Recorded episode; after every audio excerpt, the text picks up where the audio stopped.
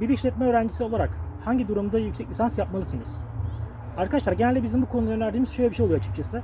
Eğer gerçekten derinleşmek istediğiniz bir alan yoksa ya da akademide ilerlemeyi çok böyle istemiyorsanız tutkulu bir şekilde bence yüksek lisans şu anda büyük oranda zaman kaybı. Niye zaman kaybı? Çünkü zaten işletme mezunu olarak hali hazırda işin dinamini görüyorsunuz lisans hayatınız boyunca. E öte yandan zaten 16-17 yıllık bir okul hayatınız oldu. Dolayısıyla artık bunun sonunda hala akademide yer almak bence çok iyi bir oran değil, çok iyi bir tercih değil.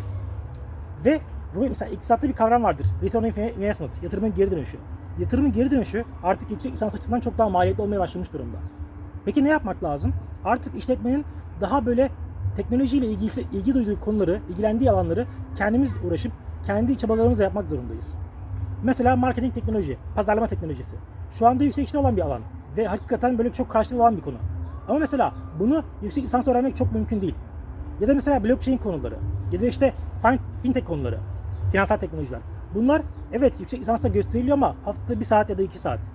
Açıkçası siz o bir saat iki saat ayırarak bunlara karşılığını alamazsınız.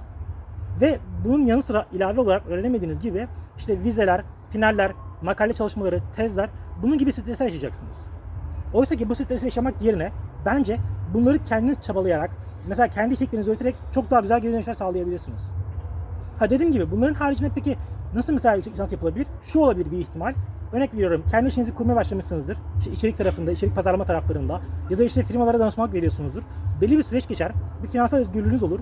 O aşamadan sonra hem böyle farklı insanlarla tanışmak hem de yeni bir rutin olması açısından hayatınızda farklı bir rutin katması açısından tercih edebilir. Ama 22-23 yaşında daha böyle tam en verimli olduğunuz dönemde buraya girmek bence çok iyi bir karar olmayabilir. Ha bunların haricinde tabii ki istisnalar olabilir. İstisna kararlar her zaman olabilir. Ama bunların haricinde ortalama bir işletme mezunu için bence bu boyutlarda yüksek lisans çok iyi bir dönüş olmayacaktır, çok iyi bir karar olmayacaktır maalesef.